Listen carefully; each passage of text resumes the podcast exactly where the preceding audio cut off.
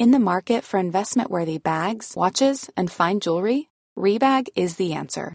Rebag is a luxury resale platform where each piece is carefully inspected by experts to ensure quality and authenticity. Use Rebag to buy and sell finds from the world's top brands, including Louis Vuitton, Chanel, and Cartier. Head to Rebag.com and get up to 15% off your first purchase as a member with code REBAGNEW. Shop today at Rebag.com. That's R E B A G.com. And use promo code REBAGNEW for up to 15% off your first purchase as a member.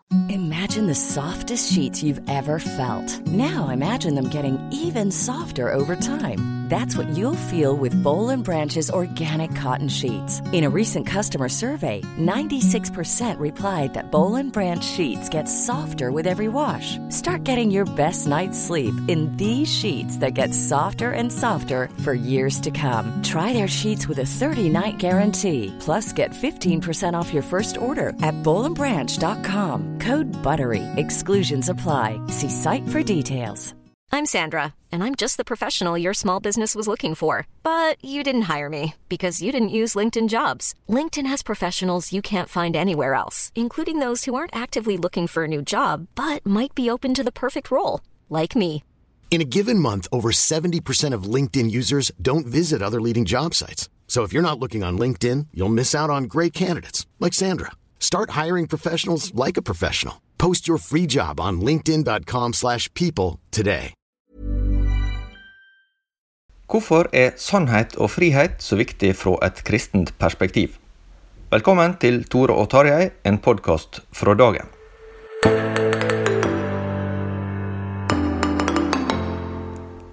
I dag er ikke Tarjei Gilje med, men jeg, Tore Hjalmar Sævik, skal ha en samtale med den britiske forfatteren Oss Guinness.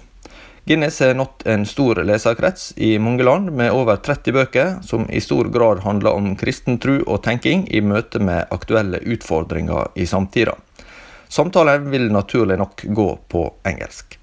Today it is my great pleasure to welcome Os Guinness to our show. Uh, Os Guinness uh, was born in China, was educated in England, and uh, has been living in the United States since 1984. He has written more than 30 books and uh, has been a speaker and a debater in um, many various settings during his life, both in the US and uh, in many countries. He has even visited Norway some years ago. Uh, and also, I remember we met uh, back in 2012, I believe, in Hungary, of all places, where you were one of the speakers at the European Leadership Forum at the time. And, and it's really a privilege to welcome you to have a conversation today about two of the subjects I, when I look at your book titles, it strikes me that you've been very interested in truth and freedom. And, and those are kind of threads which follow through your uh, engagement. Is that something you could, you could recognize? Well, they're not the only two, but certainly they're major themes and very important in the present cultural climate. climate. So it's a great privilege to be back with you. Thank you very much. First, just a, a few things about your background. Your parents were, were missionaries, medical missionaries in China when you were born there in 1941. And from what I've heard from you earlier on, uh, I've got an impression that what you experienced as a child in China really um, has shaped you uh, and, and your engagement later on. Well, one way of putting it is like this I well remember the day in January 1949 when my father said to me, and I was seven, Son, we're in trouble. Chiang Kai shek has just abandoned the city, and we're at the mercy of the Red Army. We were living in the capital, and within a few weeks, the Red Army came in and the reign of terror began. My father was falsely accused. Many were denounced, tried, and thousands were executed. So I was there for two years under the opening years of Mao Zedong. Now, that's important to me because many years later, when I was at Oxford, I had dinner at All Souls College with Sir Isaiah Berlin. And we discovered that he had been a seven year old in the Russian Revolution in 1917. and I'd been a seven year old in the Chinese Revolution in 1949. And we compared notes as seven year olds. And both of us were immensely realistic about Marxism, but probably neither of us could have seen how cultural Marxism would be sweeping the United States and Europe today.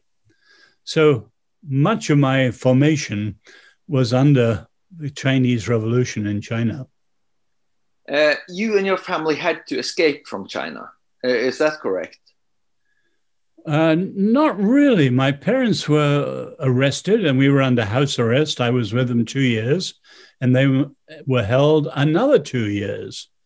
But after two years, they were allowed to send me back to Europe with friends of theirs.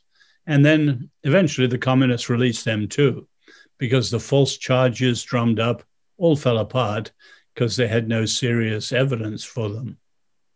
You came to England and you studied there, and you became a student in London and later at Oxford during a time where uh, a lot of things happened culturally speaking, uh, at least, uh, not least among students. Well, I was a student in the early 1960s, which in the Western world is probably the most radical cultural decade of the last century drugs, sex, rock and roll. You think of the films of Ingmar Bergman, Antonioni Fellini, uh, the free speech movement of Berkeley, and all those sorts of things. So I had just become a Christian believer. And at London University, we had magnificent teaching.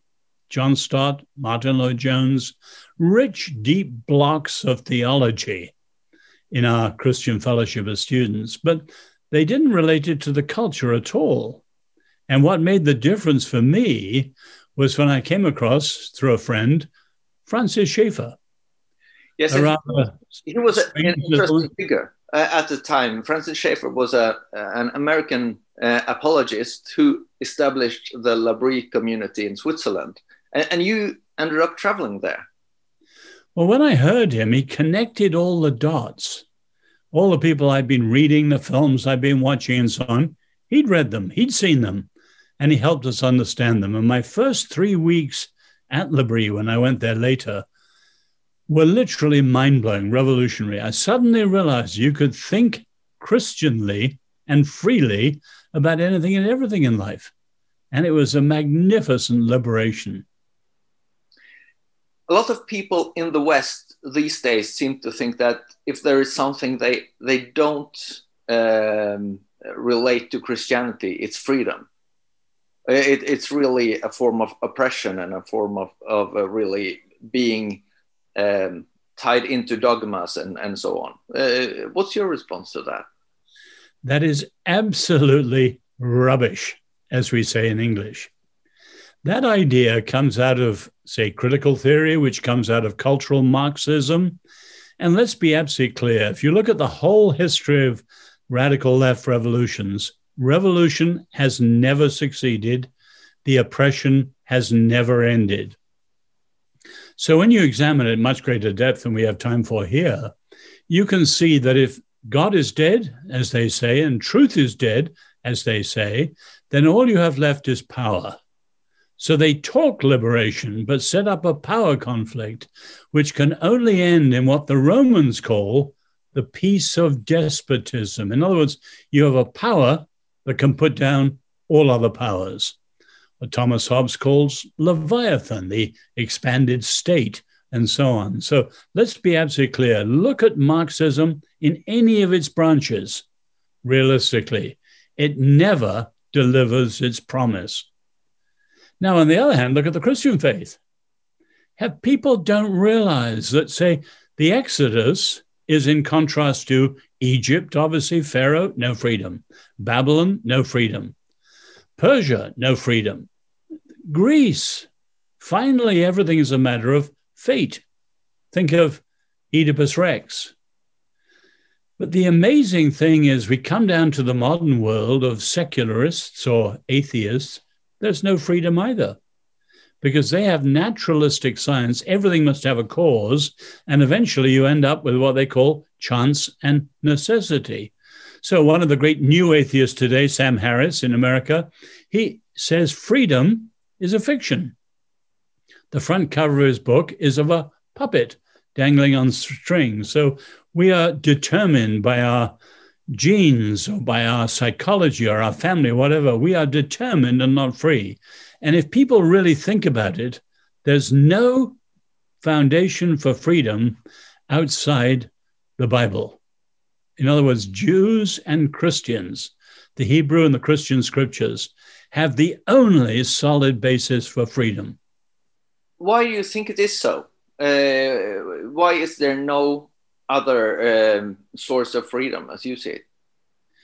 Well, it's because of the notion of causation. You know, for the Babylonians, it would be in our stars, astro- astrologically. For modern naturalists, it's various forms of causation in our background and so on. But truly, free will and free choice disappear. Now, some Christians say to me, but God is sovereign. He doesn't talk about freedom. What is sovereignty?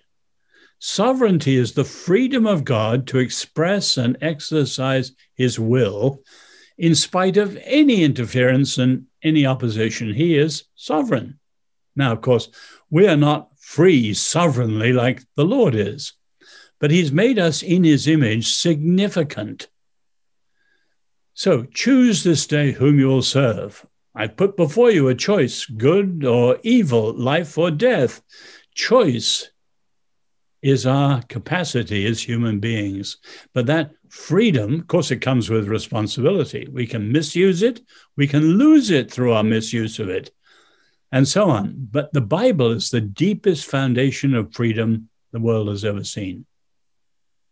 You mentioned cultural Marxism, and that has has been a, um, a word or, or, or something which has has been used uh, for different things. How, how would you define it?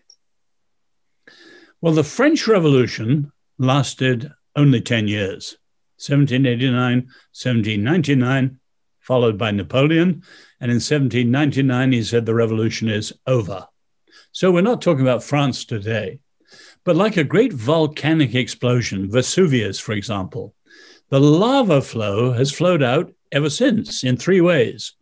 In the 19th century, the impact of the French Revolution was revolutionary nationalism. France, Italy, Greece, and so on. Even Hitler admired the French Revolution.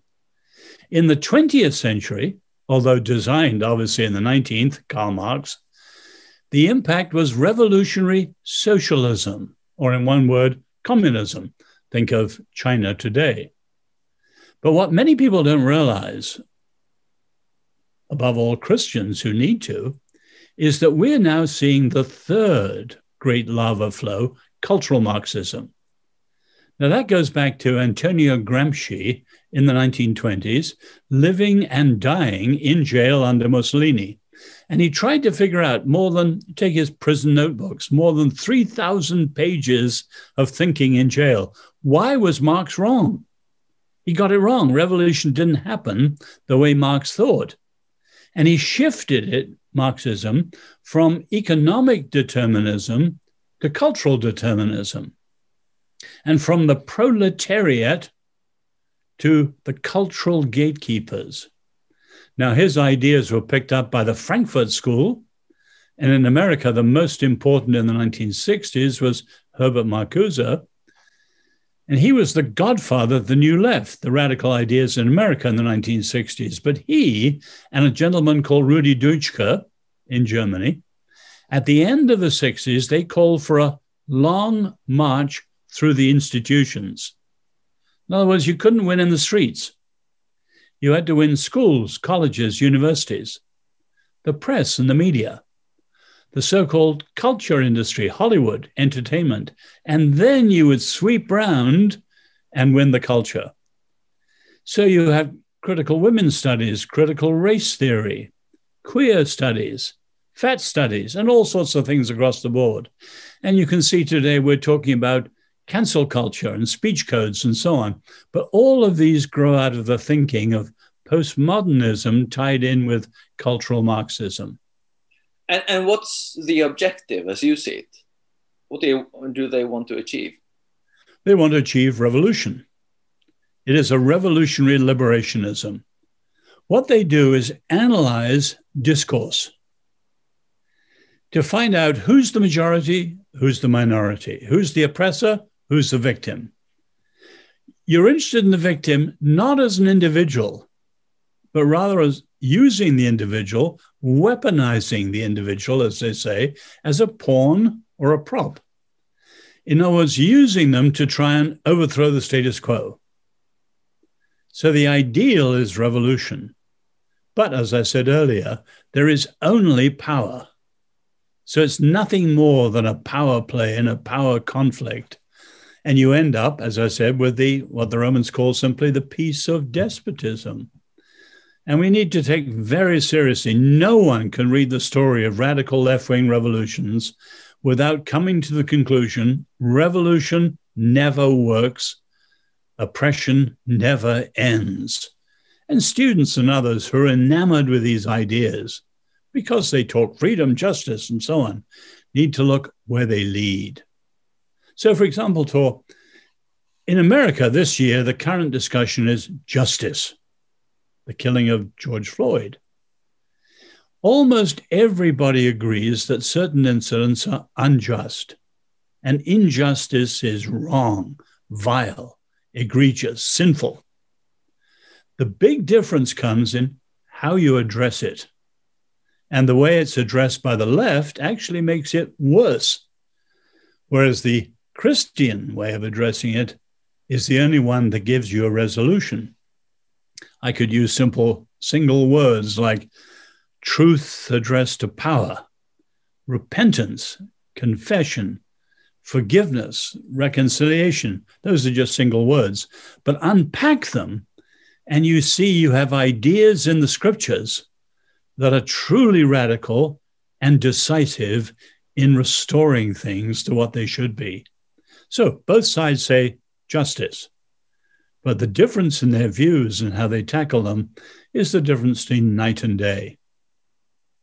Uh, some people will argue that, well, Christians have had uh, centuries to promote justice, but uh, it took so long a time to stop slavery and to, it took so long time to achieve uh, uh, suffrage for women and, and uh, all these things. what do you answer to that? Well, take slavery.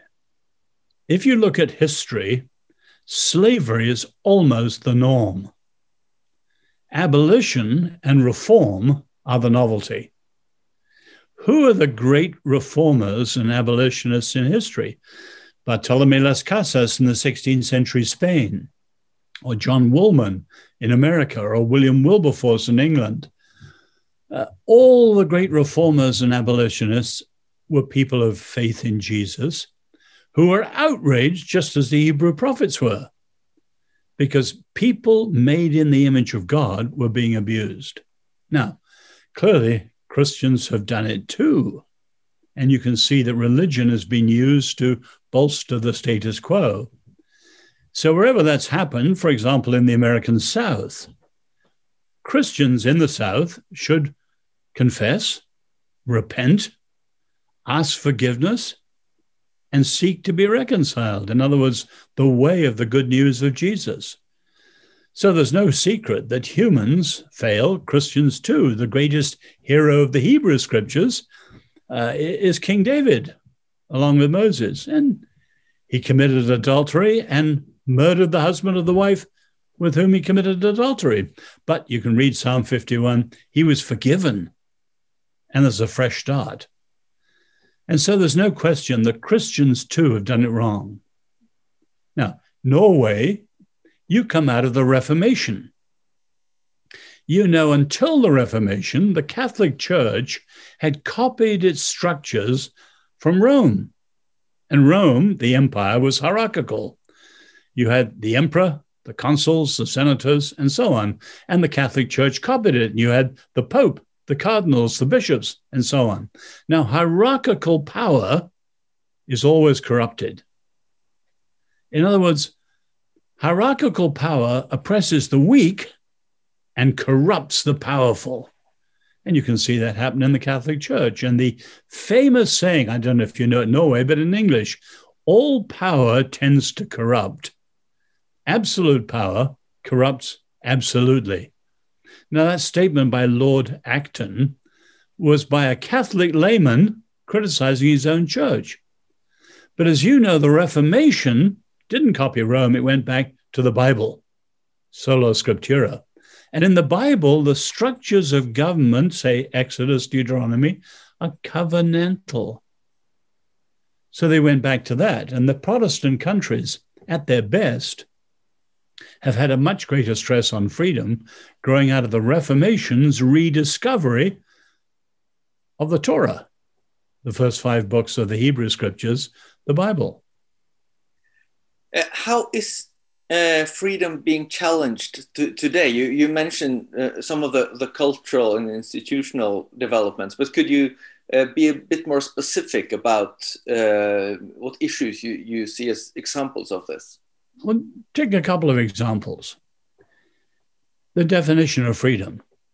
As Lord Acton says, is freedom the permission to do what you like or the power to do what you ought? Or as Isaiah Berlin would put it, is freedom negative only or negative and positive? Negative freedom is freedom from. No one free who's under the control or the abuse of someone else, bully at school, an abusive husband, or a colonial power. You have to be free from. But you need to be free for. To be free for, you need truth to know what you're supposed to be, to be free to be it. And of course, a biblical view of freedom is negative. The Lord frees the people from Egypt and Pharaoh, but frees them for and gives them the covenant so that they know how to live freely. And our Lord says to us, You will know the truth, and the truth will set you free. So there's one place. Modern freedom is all negative freedom from, freedom to do what you like but it's very unrealistic, almost anarchic. Whereas biblical freedom is more balanced and much more realistic. We'll take a, a second big difference.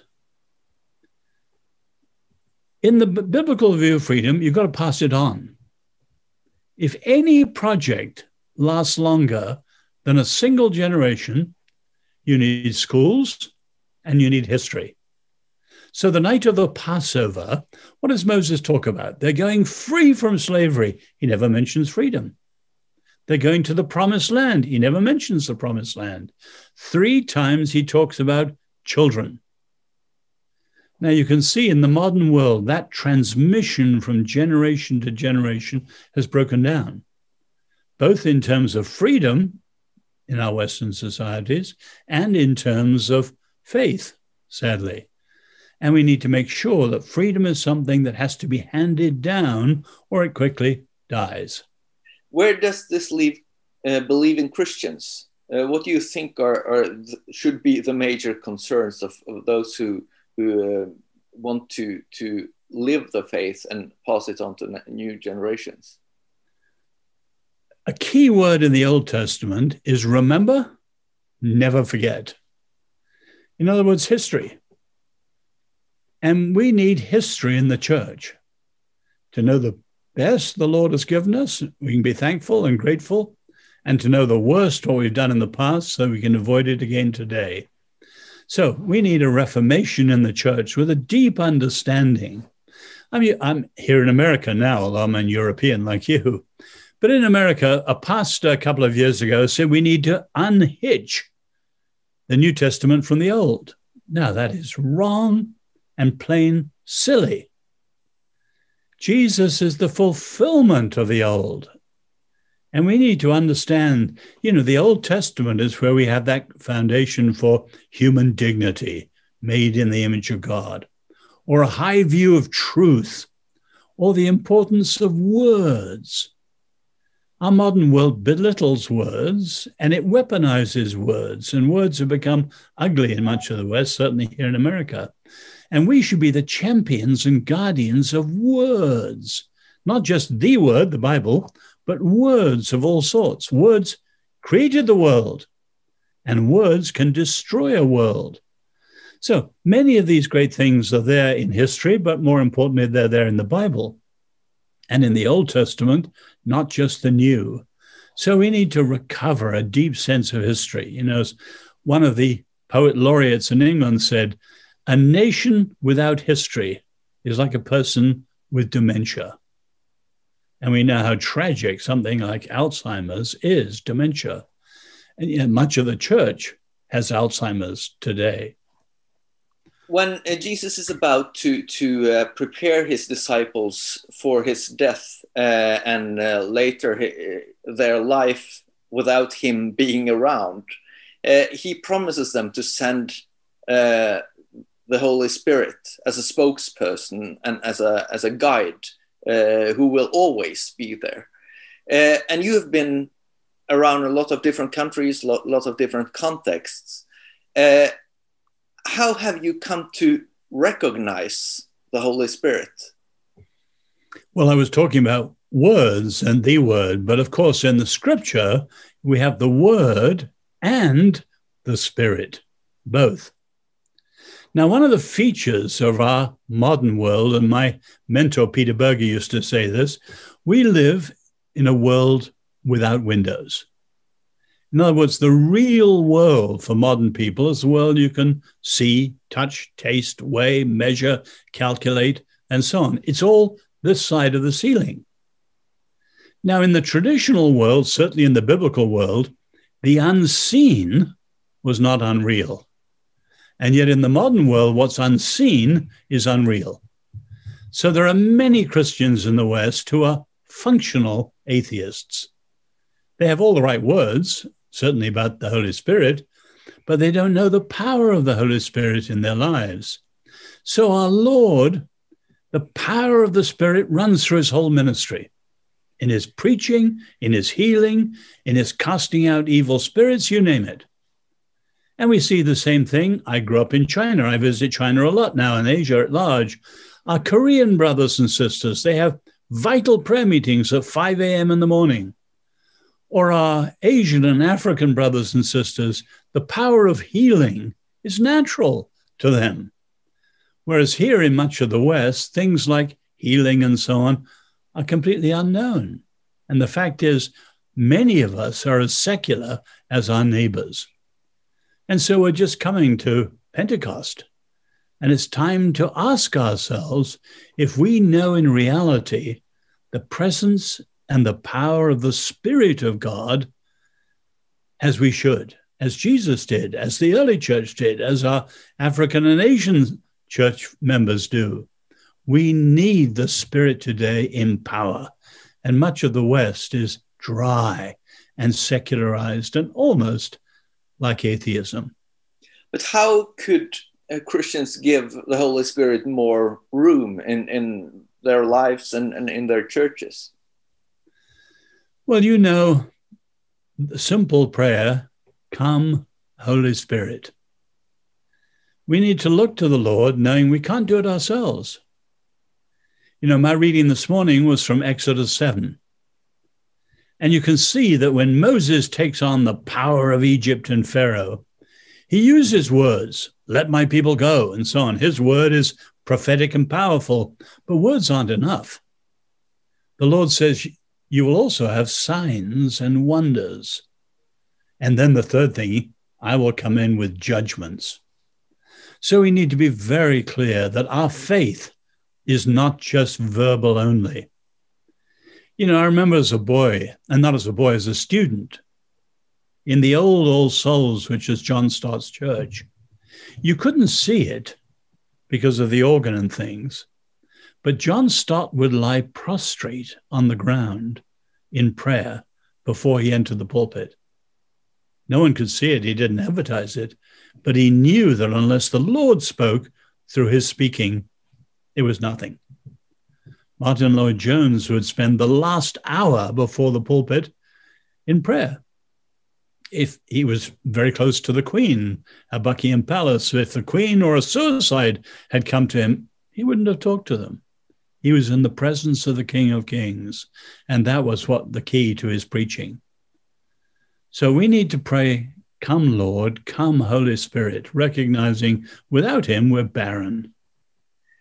Uh, you have written a lot about the cultural challenges uh, which uh, Christians in the West face uh, from the time when you were a student and, and uh, up until these days. Uh, could you connect these dots about uh, giving room for the Holy Spirit and at the same time facing the culture? Because it can seem at times like being spiritual is being isolated with other Christians. And when you go out of that room, you become as secular as anybody else. We've got to go out of the room and out of our churches, out of our families with the power of the Holy Spirit. And that's what our Lord did. That's what the early Christians did. Now, let me tell you the reason I do look at that so much. Many Christians are aware of the challenge of ideas, Marxism, secularism, relativism. In other words, English words that end in ISM are all ideas. And there are many dangerous ideas, and many Christians are very good at facing up to the challenge of ideas. But worldliness, as we see it in the New Testament, is far more than just ideas. The world, its institutions, its structures, its mentality shapes us without our being aware of it. And that's what we need to understand. Now, ideas are resisted through what's called the history of ideas. But to really understand the full levels of worldliness, you need cultural analysis so that people are aware of how our culture shapes us, often without our realizing it. You know, the example I give often to show people is the notion of time and fast life. We're under 24 7 pressure. Incredible way we live in the modern world. Where does it come from? You couldn't find a philosopher or a psychologist or anyone who's behind it. Where does it come from? Clocks and watches. Now, as we're shaped now by the power of clock time in a way that makes us all rush around driven. But you need to understand how it's happened to see the way it shapes us.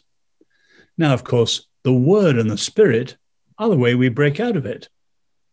We're not captive to our culture, so we can use history so that our age isn't the only one we know. We have the counterexample of history, and then we can use travel. Anyone who's been to other countries comes back to their own country and sees it in a fresh way for the first time. But above all, we count on the word and the spirit. You know the wonderful prayer in Psalm 119 Lord, open my eyes that I may see the wonderful things out of your law. The Hebrew is take the veil from my eyes. We all have a veil. And we need to take it away through the word and the spirit. So we need the spirit so that we're living with the power of the spirit and are not shaped by our crazy modern culture only. In what ways do you find Christians to be most confused today? today? Well, the sources of our confusion are many. One very simple one is the disappearance of a Christian consensus. So, when I was a boy in Europe, there was a broad Christian consensus. Now, all of us in Europe know it's gone, gone, gone, gone.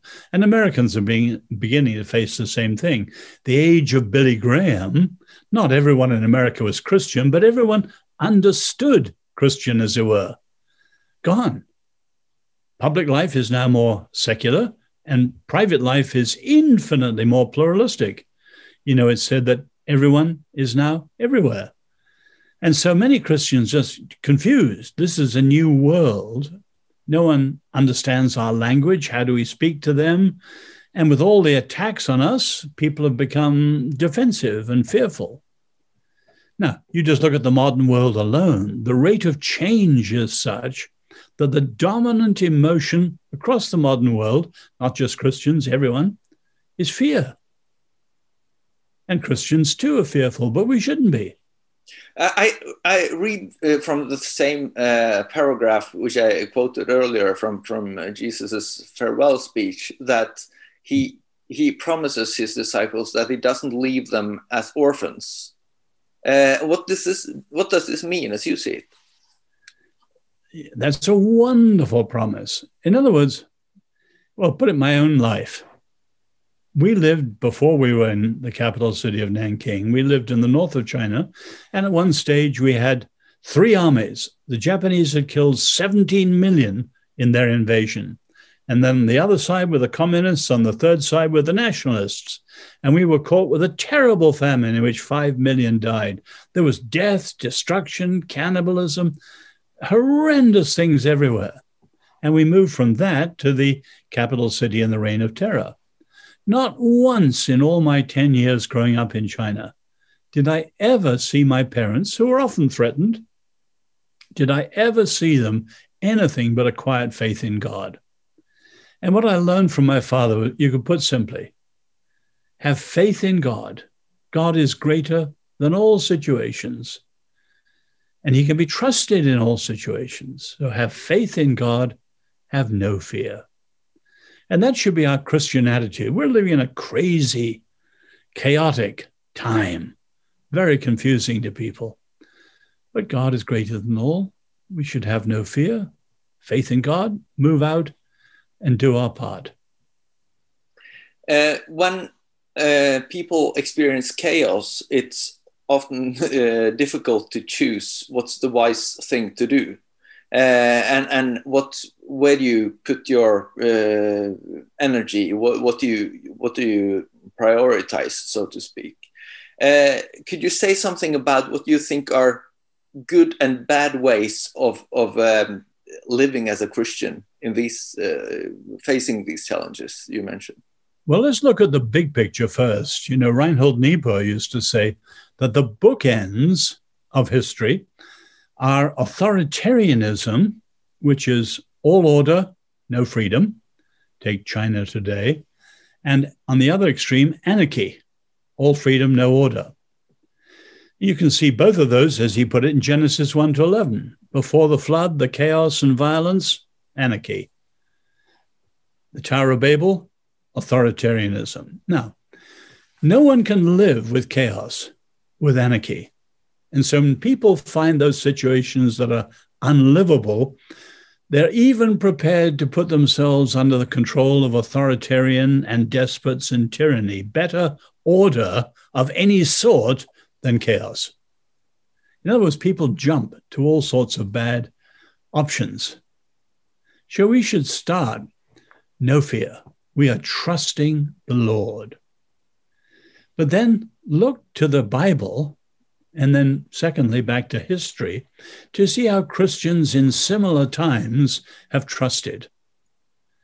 The big issue of our time, in one word, is faithfulness. In other words, not just responding the way the people around us responding with panic, with alarm, with outrage, or whatever, but really making sure. Take say a simple thing like words that I mentioned earlier. With social media, you're asked for a quick response, a brief response, which will mean probably a hasty emotional response. And many Christians facing things they don't like have echoed the fear and the hate that many in our culture are putting out. That's terrible. However dark the times are, we speak the truth. We speak the truth in love and always with respect to the human dignity, even of our enemies. So we've got to go back deeper than ever to the first principles of the gospel. The early church was under far more dire challenge than we are in Europe. Maybe our Chinese brothers or Nigerian brothers and sisters, they're facing something like the early church did. But in Europe and in America, we're not. And so we need to go back to the scriptures to see how to do it. What possibilities do you see ahead? Some will think that, well, uh, if you look at the trajectory of history, well, Christianity will become more more marginalized in Europe and maybe even in America, as, as some people see it. What what's your expectations? Now, let me challenge you. We were talking about freedom earlier. And one of the essential principles of freedom is we don't know tomorrow. Because what the Lord will do and what other humans will do, good ones and bad ones, we don't know. So there's a great danger in punditry and predictions based on the present. You said that Europe will say, no, not necessarily. It could be, I don't know. The Lord only knows. But if we look at the problems of today, many of the secular answers are absolutely bankrupt. Human worth, truth, freedom, words, the things we've been talking about.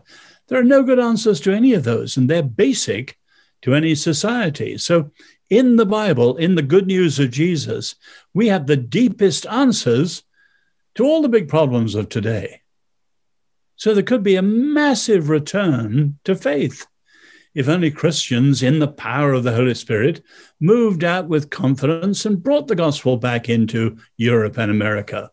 In other words, nothing is written, as the Muslims say. Nothing. It's not determined. The future is free.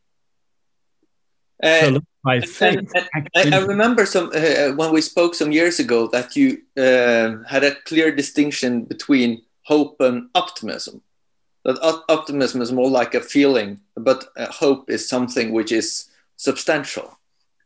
Well, Americans often ask me, Are you optimistic? By that, they mean psychologically optimistic. The glass is half full, not half empty, or sort of market wise, the, the, the market is bullish, not bearish. But that isn't biblical. We are people of hope. So I challenge myself and others I know, we've got to look reality today in the white of the eye. These are crazy, difficult times, no question. And I think I've got about as realistic a view where we are as anyone has. But at the end of the day, we're still people of hope. God is sovereign. And of course, our final hope is in a messianic hope. We know that nothing we will ever do will be enough. That's the difference between us and, say, revolutionary communism. We're not going to do it. We're not utopians. It won't be by human strength and wisdom, only when the Lord does it and steps in. So we are people of hope, however dark the hour. Do you see any? You, you mentioned the, the fracturing of the, the Christian consensus, which you had some decades ago. Uh, do you see any hope that Christians will find a new kind of unity? Uh, certainly. You know, the church is in such a sorry state. I'm living in America. The weakness, the confusion, the divisiveness, the scandals of the American church, including much of the evangelical movement, are utterly appalling, almost as bad as the 16th century before the Reformation. We need revival, reformation, and so on, no question. So that's our hope. And we've got to, I pray daily for it with others. And one of the good things coming out of the pandemic is a new urgency of prayer, including prayer for the church that will be revived. But the way I say to Americans here, and I'm a kind of missionary to America, you know, the scandal of the American church is that, unlike Norway or unlike Britain, unlike most of the countries in the Western world, the church here in America is a huge majority and yet they're not influential.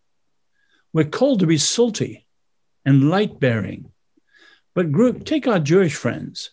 They are 2% of America, and we're more than 50%. But they punch well above their weight, intellectually, financially, culturally, whereas we, who are called to be salt and light, are non influential. In other words, the problem is us. Now, we don't want to go back and just exercise power because so much of Christendom and the established churches were horrendous. And the whole revolutionary movement, beginning in France, was against the established churches. So we've got to say humbly the church created its own opposition. We are part of the people who've created the need for secularism, and that's tragic because of the wrong ways we related to culture and power. But you, you see signs of, of uh, or opportunities to, to uh, repent and, and uh, do it over. Absolutely. The chaos in the church is a call to repentance. And the bankruptcy of ideas in the culture is a call to preach the gospel, the good news of Jesus, as truly the best news ever. So we're in an amazing moment. You, see the crisis in the West, this huge crisis in the American Republic, the West leads society. You see the emergence of atheistic totalitarian China and all the menace of that. And you see the arrival of singularity and ultra intelligence and so on. We're in an amazing moment for humanity. And Christians should be in the forefront with confidence in the Lord, moving out and bringing the good news of Jesus. Thank you very much, Os Guinness, for your time. Very interesting to talk to you again. Always a pleasure to be with you. God bless you in Norway.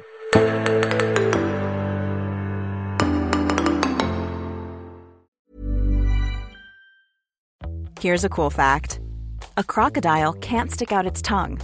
Another cool fact you can get short term health insurance for a month or just under a year in some states.